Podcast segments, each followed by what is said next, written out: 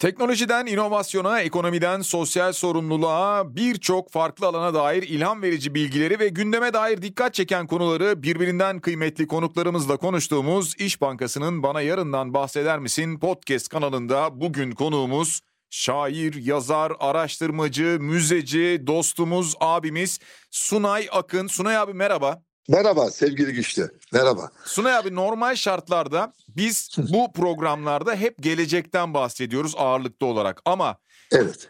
Hep biliyoruz ki şunu da geçmişini bilmeyen, öğrenmeyen toplumlar gelecekte de iyi adım atamazlar, doğru adım atamazlar. Biraz sonra müzelerden bahsederken bunu da konuşuruz. O nedenle ara ara da önemli günler için ki bizim tarihimizde 23 Nisan 1920 tarihi çok önemli. Bu günler için de özel yayınlar yapıyoruz. Şimdi bugün seninle beraberiz. Çok teşekkür ediyoruz. 23 Nisan Ulusal Egemenlik ve Çocuk Bayramı olarak herkes tarafından biliniyor tabii ki. Ama 23 Nisan 1920'ye nasıl gelindi? Herkes tarafından bu ne kadar biliniyor bilmiyorum ama mandacılık vardı o dönem. Daha doğrusu mandacılığı isteyenler vardı. Esarete boyun eğenler vardı. Sonra Kuvayi Milliye ruhu çıktı. Biraz o dönemi bize anlatabilir misin? Hay hay öncelikle İstanbul'un işgalinde e, işgaliyle başlayalım. E, 13 Kasım 1918.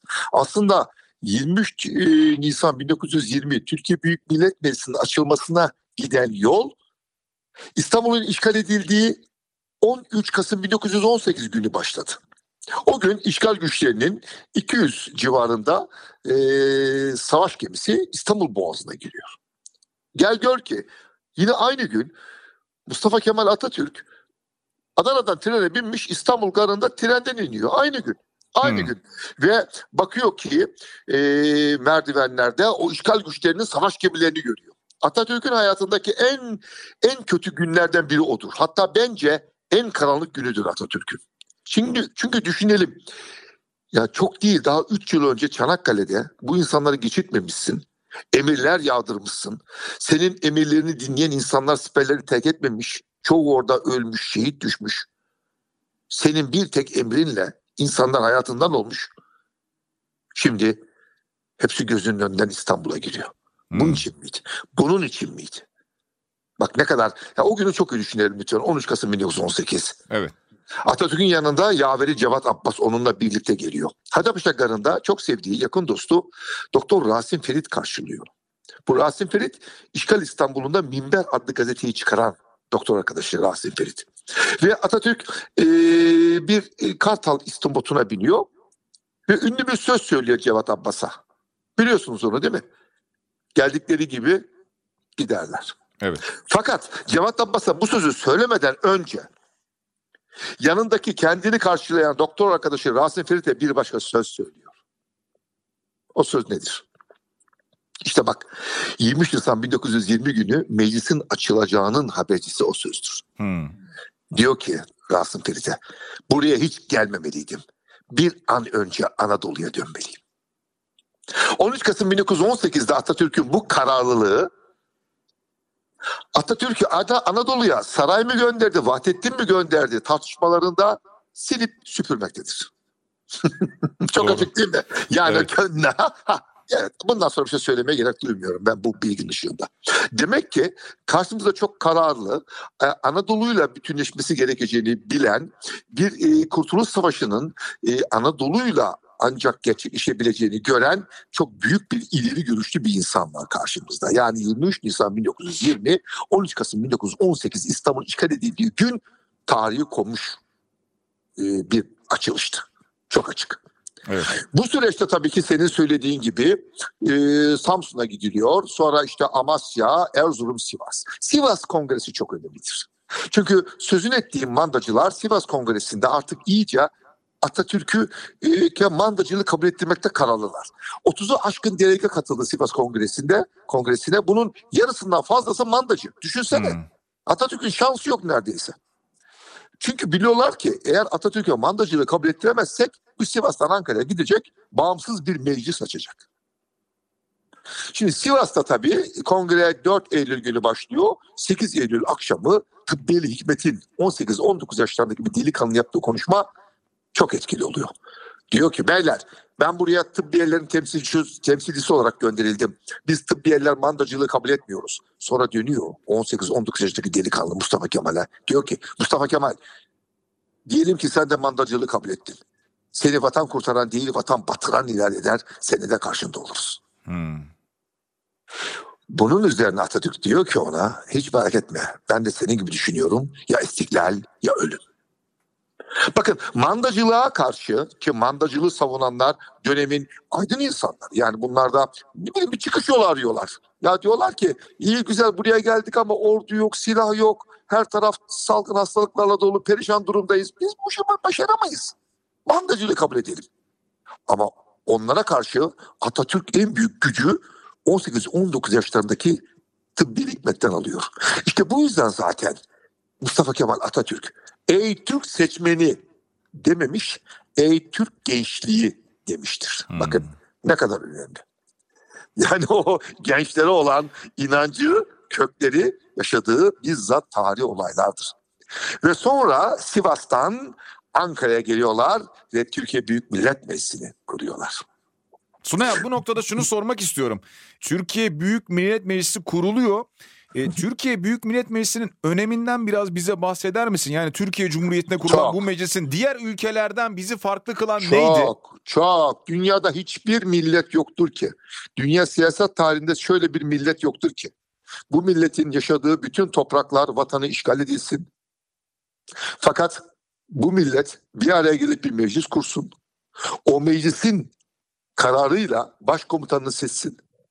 Ve o meclisin oluşturduğu orduyla işgale son versin, emperyalizmi yensin ve yine o meclisin temsilcileri tarafından Lozan'da kendi özgürlüğü, bağımsızlığı dünya hukukunda teminat altına alınsın. Bunu başaran bir tane meclis var. Türkiye Büyük Millet Meclisi. Dünyada böyle bir meclis yoktur dostum. Mümkün değildir. Bu kadar zoru başaran bir meclis. Üstelik şunu da bilelim. 23 Nisan 1920 tarihinde meclisimiz açıldığında sadece işgalle mücadele etmedi.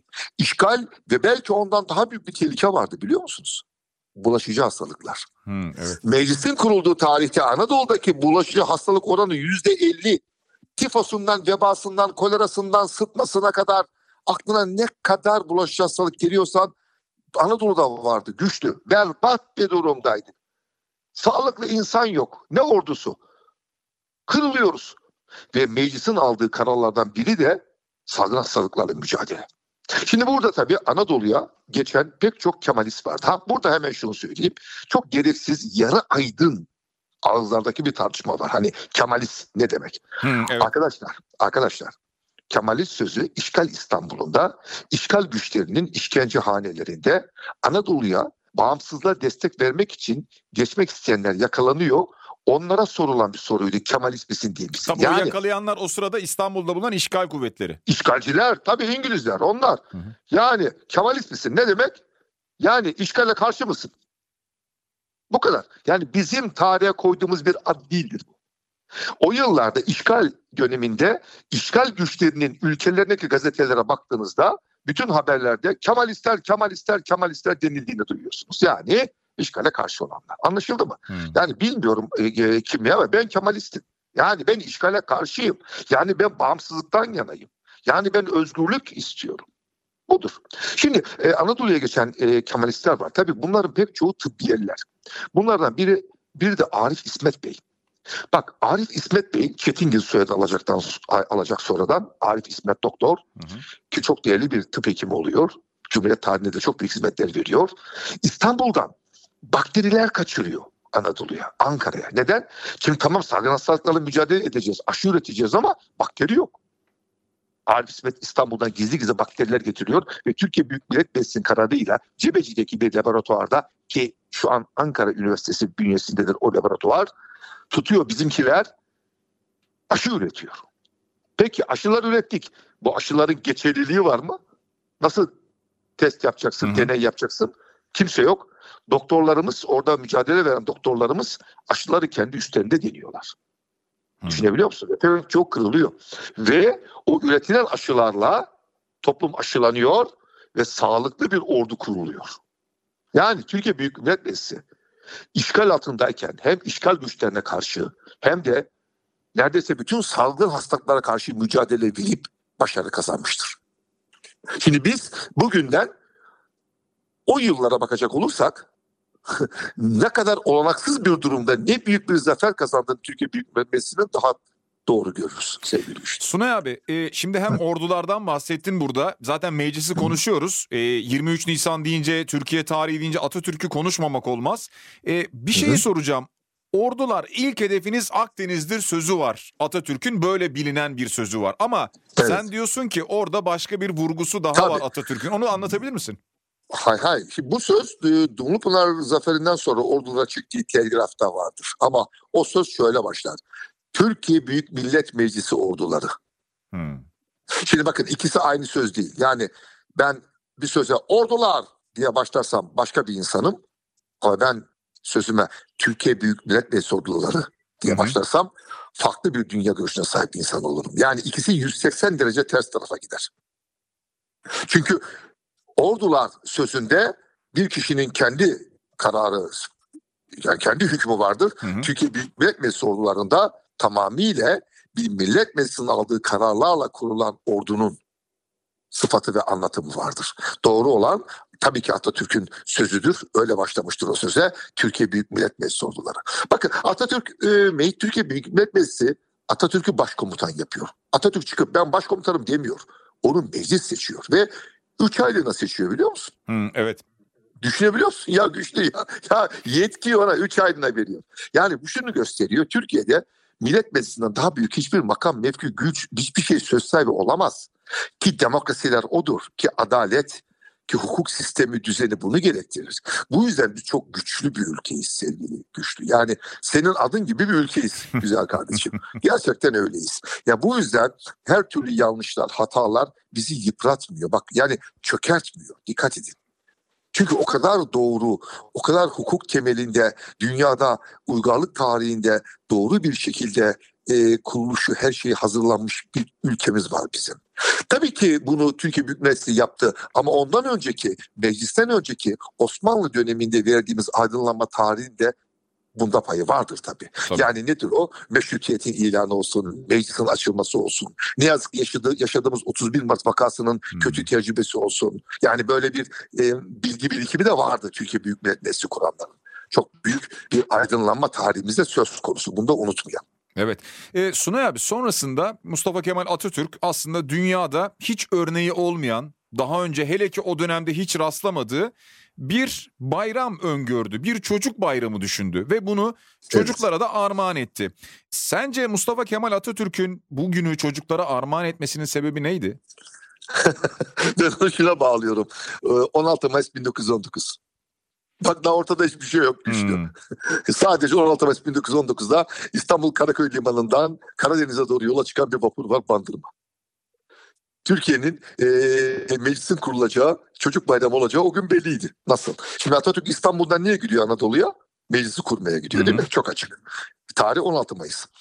Galata rıhtımında Hacı Tevfik Bey eşi ve oğluyla vedalaşıyor. Hacı Tevfik Bey Bandırma vapurunun kamarotu.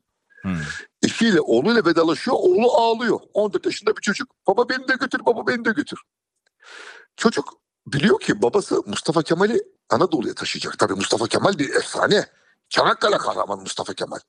Hacı Tevfik Bey'in oğlu Mustafa Kemal'i bir görmek istiyor. Baba beni de götür. Onu bir kere göreyim. Kıramıyor oğlunu. Gel oğlum diyor. Ve bir sandala biniyorlar. Bandırma Galata rıhtımına bağlı değildi. Açıkta demirliydi. Hmm. Asma iskeleden yukarı çıkıyorlar. Bir kapıyı çalıyor Hacı Tevfik Bey. Kar- Karşılarında Atatürk. Tabii Hacı Tevfik Bey mahcup. Diyor ki efendim kusura bakmayın bu benim oğlum. Sizi görmek çok istedim. Kıramadım getirdim. İşte çocuk 14 yaşındaki çocuk Atatürk'le göz göze geliyor. 16 Mayıs 1919. Soruyor Atatürk. Senin adın ne çocuk? Nuri. Nuri öyle mutlu ki. Nasıl olmasın ki tam karşısında. Ve Atatürk şunu söylüyor özetle. Bak çocuk bu vatan hepimizin ama daha çok siz gençlerin. Vazgeçmek yok tamam mı? Şimdi anlattığım bu öykünün anlamı şu. 16 Mayıs 1919'da Mustafa Kemal Atatürk'ü İstanbul'dan Anadolu'ya uğurlamak için Bandırma'ya kadar bir kişi gitti. O da bir çocuk. Hmm. Bir çocuk uğurladı onu biliyor musun? Ve yine anlattığım öykünün bir başka anlamı şu. Atatürk eğer bu kurtuluş yolunda başarılı olamasaydı yani ne bileyim İngilizler Bandırmayı Karadeniz'de batırsaydı ya da ne bileyim e, idamı da istenecek biliyorsun öldürülseydi falan filan yani başaramasaydı Atatürk'ün gözü arkada kalmayacaktı.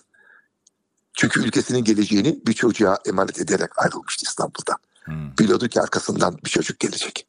İşte size meclisin açıldığı günün neden Ulusal Egemenlik ve Çocuk Bayramı olduğunun en somut hikayesi.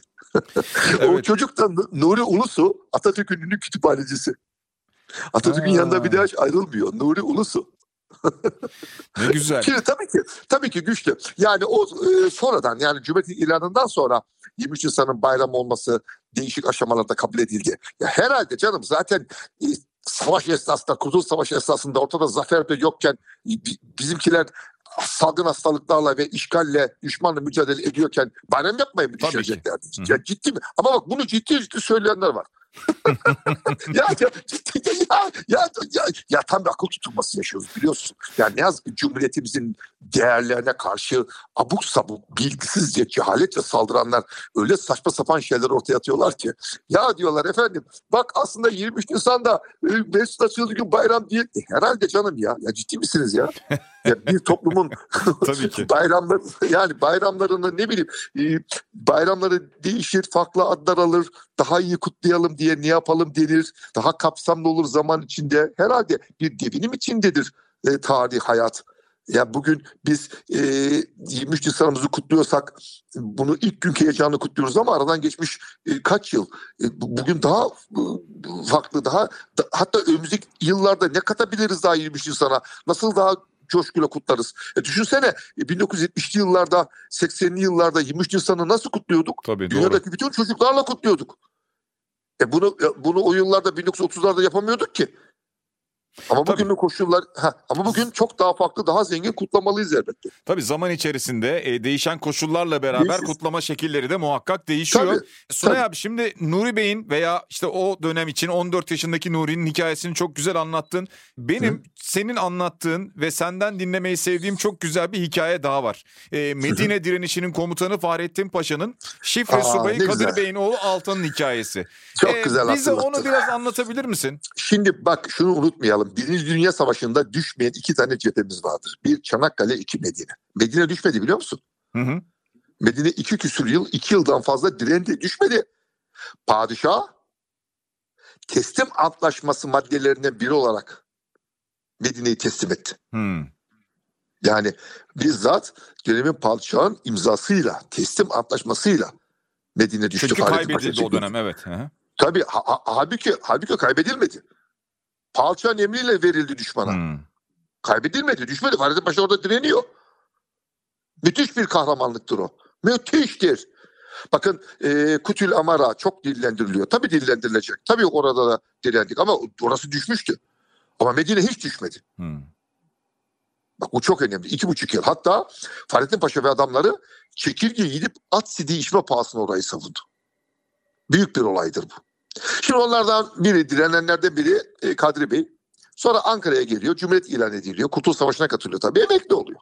Onun bir oğlu var. Oğlu Çankaya İlkokulu'nda okuyor. Her sabah arkadaşı İsmail ile beraber e, evlerinden çıkıp Çankaya İlkokulu'na gidiyorlar.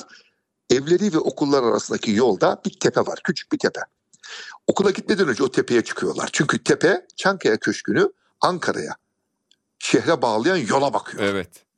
Her sabah Atatürk Çankaya Köşkü'nden çıkar ve o yolun büyük bir bölümünü yürüyerek inerdi. Niye? Çünkü derdini ona anlatmak isteyen Anadolu'dan gelen insanlar yolun kenarında onu bekliyordu.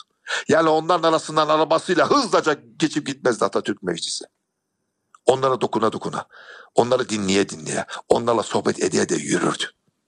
Neden Çankaya'ya Atatürk'ün böyle bir heykelini koymadık o yola? İşte Kadri Bey'in oğlu ilkokul öğrencisi e, bir oyun oynuyor arkadaşıyla. Atatürk'ü selamlama nöbeti. Atatürk önlerine geçerken başlarının önlerine eğip selamlıyorlar.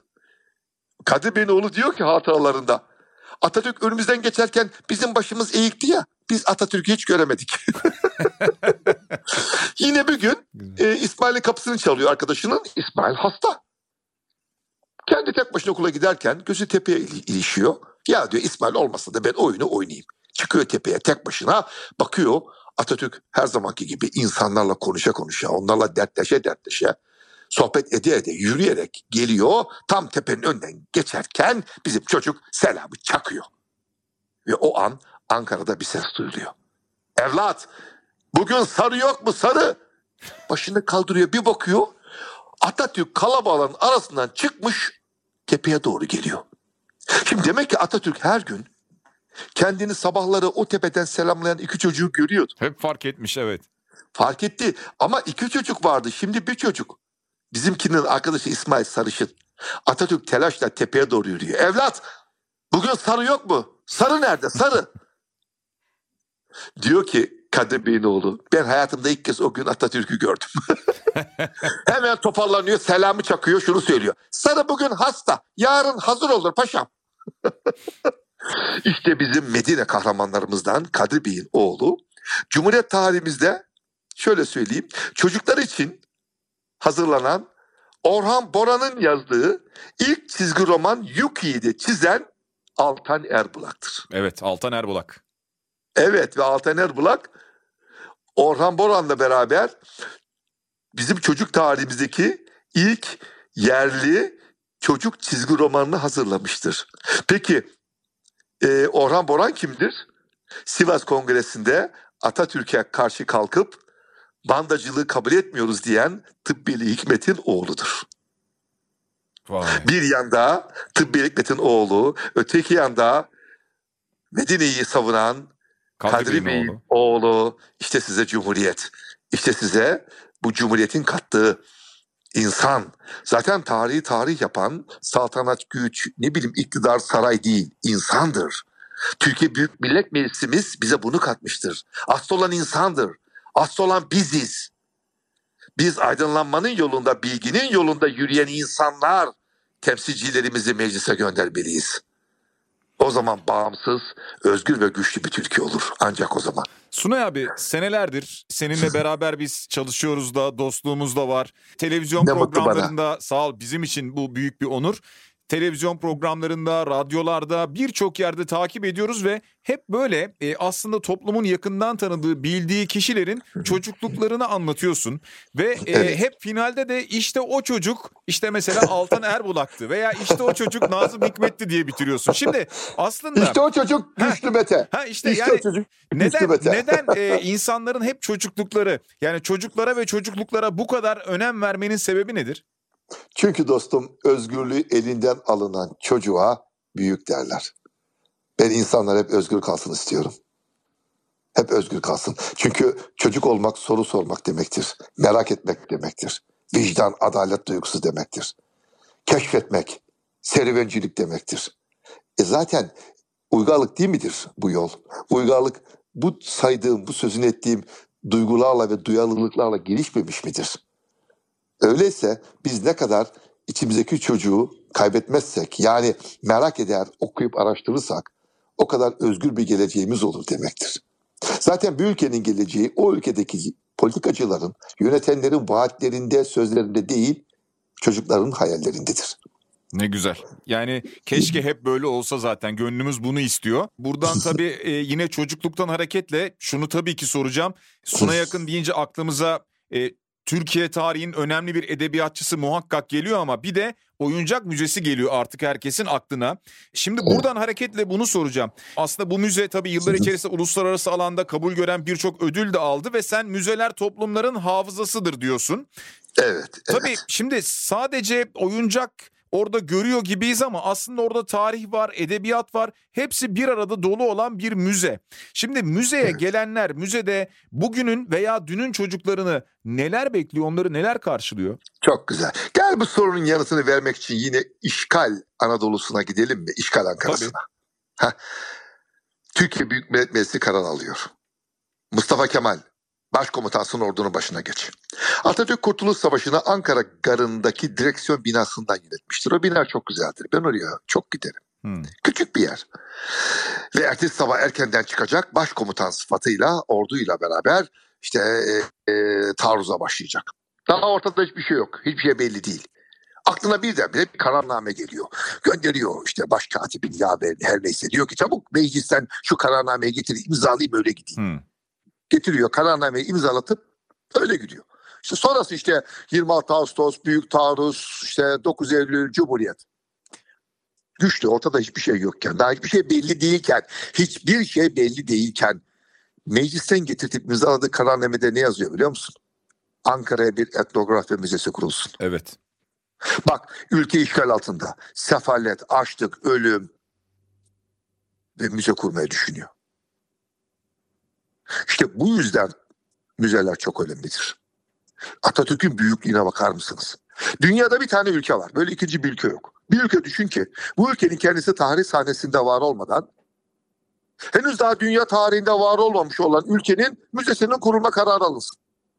Türkiye Büyük Millet Meclisi'nden Ankara Etnografya Müzesi'nin kurulma kararının çıktığı tarih 1922, Türkiye Büyük Millet Meclisi'nin Türkiye Cumhuriyeti'ni dünyaya ilan ettiği tarih 1923. Şu yeryüzünde kendi kuruluş tarihinden önce müzesinin kurulma kararının alındığı yegane ülke Türkiye Cumhuriyeti'dir. Şimdi ben bu ülkenin bir edebiyatçısı olarak bir defa buna layık olmaya çalışıyorum güzel kardeşim. Bu yüzden İstanbul Ocak Müzesi. Sen de biliyorsun ailemden kalan o 5 katlı köşkü yıkıp yerine 20 tane dairenin rantını yemeyi ben bilemez miydim güzel kardeşim? 20 değil 40 daire çıkardı Ya oradan. neyse neyse de- neyse yani, evet. yani bunu, bunu ya, ya, ya, ha, ha. Ya bu kadar akıl bende yok mu ha? Ha bakın hiç kimse kusura bakmasın. Kimse elime su dökemez bu konuda. Lafta herkes vatansever, herkes ülkesinin milliyetçi. Hadi canım. Bu binlerce köşkü konağı kim yıktı? Deprem mi yıktı? Terör mü yaktı? Hayır. E bir şey yanlış değil mi? Bir şey yanlış değil mi? Ha ben yaptığım marifet erdem diye bunu söylemiyorum. Sakın ha. Ben olması gerekeni yapıyorum. Herhalde tarihi bir konak zaten yıkılmaz ki. Herhalde ya. Ama Suç. e, normalin dışında olağan dışı bu- bir şey yaptığın Ha. için erdem tabii. Ama o zaman da herkes tutup da böyle vatanseverlik, efendim, milliyetçilik taslamasın.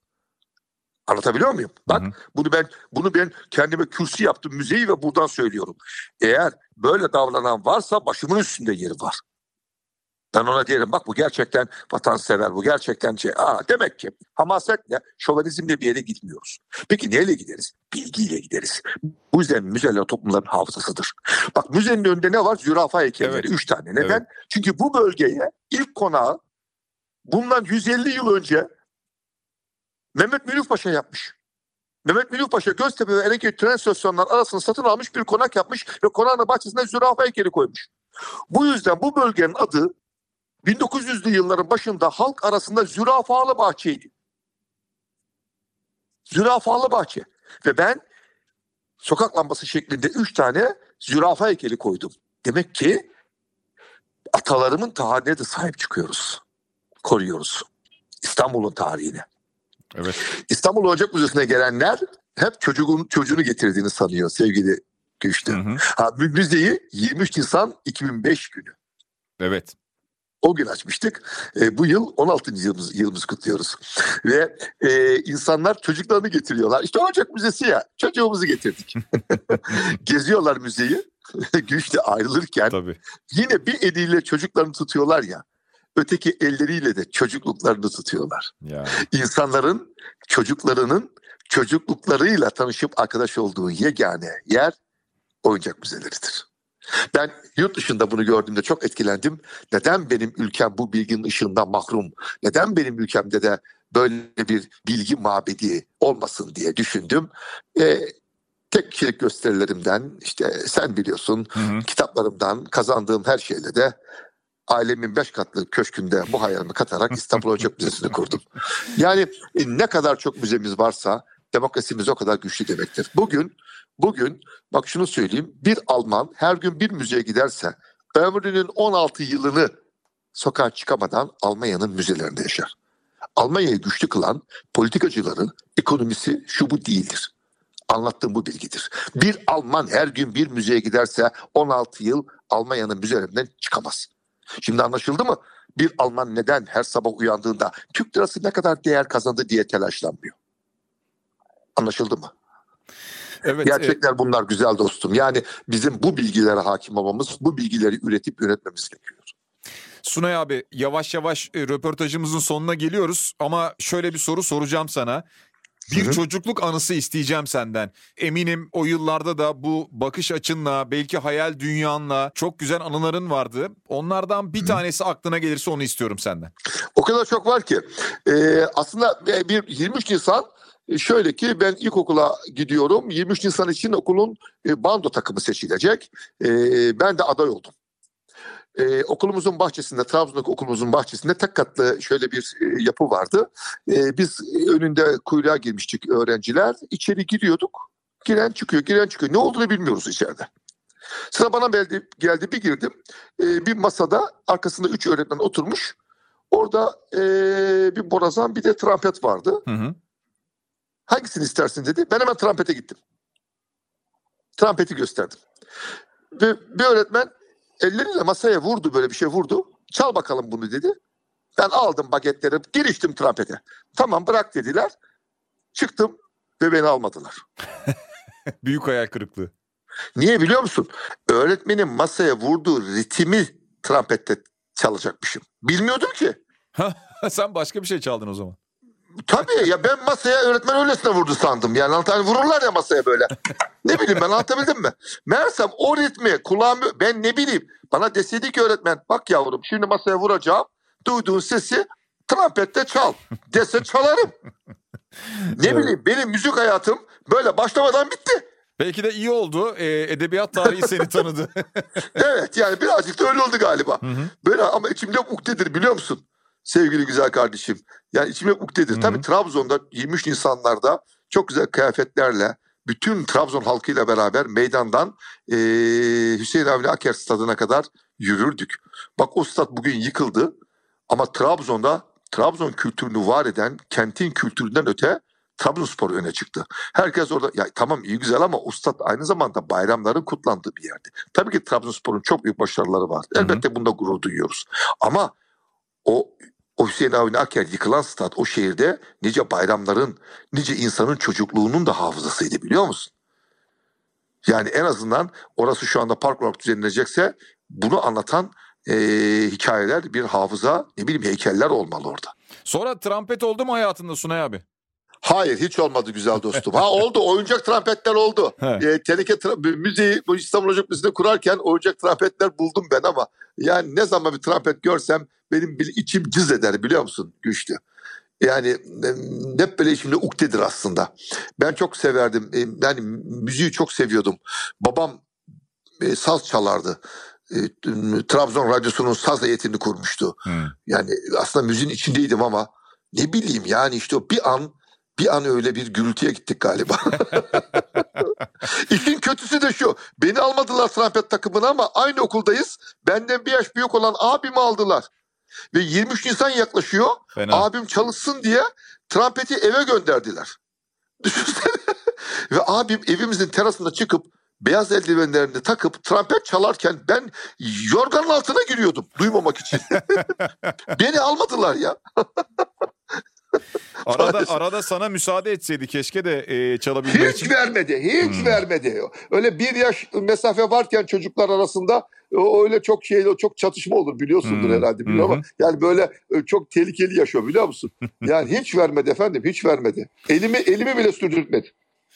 Peki Sunay abi yavaş yavaş röportajın sonuna geliyoruz. Senin Evet. son olarak buradan e, 23 Nisan Ulusal Egemenlik Bayramı ile ilgili genel olarak veya çocuklara özel vermek istediğin bir mesaj var mı? Ee, şunu unutmayalım. Ee, çocukların bize ihtiyacı yok. Bizim çocuklarımızın hayallerine ihtiyacımız vardır. Ee, ben ne yazık ki 23 Nisan'dan sonra bir yıl boyunca çocuklar hep örselendiğini görüyorum. Çocuk dünyasının çiğnendiğini görüyorum ne yazık ki. Dürüst olalım. Biz büyükler kendi aramızda birbirimizi rencide etmek, kırmak için çocukların dünyasını kaç kez çiğniyoruz? Birbirimize demiyor muyuz kızdığımız zaman? Çocukluk yapma. Çocuk gibi zırlama. Büyü artık. Ha bir de şunu söylüyoruz. Bana masal anla- anlatma. Hmm. Bir de şu var. Senin o dediğin çocuk oyuncağı. Dürüst olalım. Sevgili güçlü kardeşim. Bak 23 Nisan sonra bir e, bir dahaki 23 Nisan'a kadar bunları kaç kez söyleyeceğiz. Doğru. Çocuklarımızı dünyasını, onun değerlerini ki bunu en çok ben yaşıyorum. Sen ne diyorsun oradan oyuncakçı? Sana da. Ya, tabii tabii. Ya şimdi çocuğun dünyasının en önemli değerleri oyuncaklar değil mi? Oyun, Bitirelim masallar. diyorum ama bitiremiyorum. Çocuklara neden oyuncak alınır Sunay abi? Çünkü çocuğun önüne oyuncak diye koyduğumuz insanlığın geleceğidir de ondan. Bak bizde kız çocuğa bebek alıyorlar, erkek çocuğa tabanca. Kıza bebek, erkeğe tabanca. Hmm. Erkeğe tabanca, kıza bebek. Kıza bebek, erkeğe tabanca. Sonra düşünüyorlar. Kadın cinayetleri niye artıyor? Anlaşıldı mı? Oyuncak ne kadar önemlidir insanlığın geleceğinde. Evet onu seçmek de o tercihi yapmak da önemli Çok. tabii doğru. Çok çok her şey. Ülkenin geleceğini tercih ediyorsun. Evet. Güçlü. Yani iki çocuğun varsa evde birine bebek birine tabanca alıyorsan sen çocuklarına tabanca almış olmuyorsun güzel kardeşim. Ülkenin geleceğini belirliyorsun. Ülkenin geleceğini kurguluyorsun. Peki e, Sunay Yakın konuğumuz oldu sevgili dinleyiciler. Çok teşekkür ediyoruz Sunay abi. Ben çok teşekkür ediyorum. 23 Nisan günü Gazi Mustafa Kemal Atatürk ve onun yolunda yürüyen bütün güzel insanları sevgiyle, saygıyla kucaklıyorum. Minnet duygumu sunuyorum. Hepimizin Ulusal Egemenlik ve Çocuk Bayramı kutlu olsun. Çocuk Bayramı kutlu olsun. Çocuk Bayramı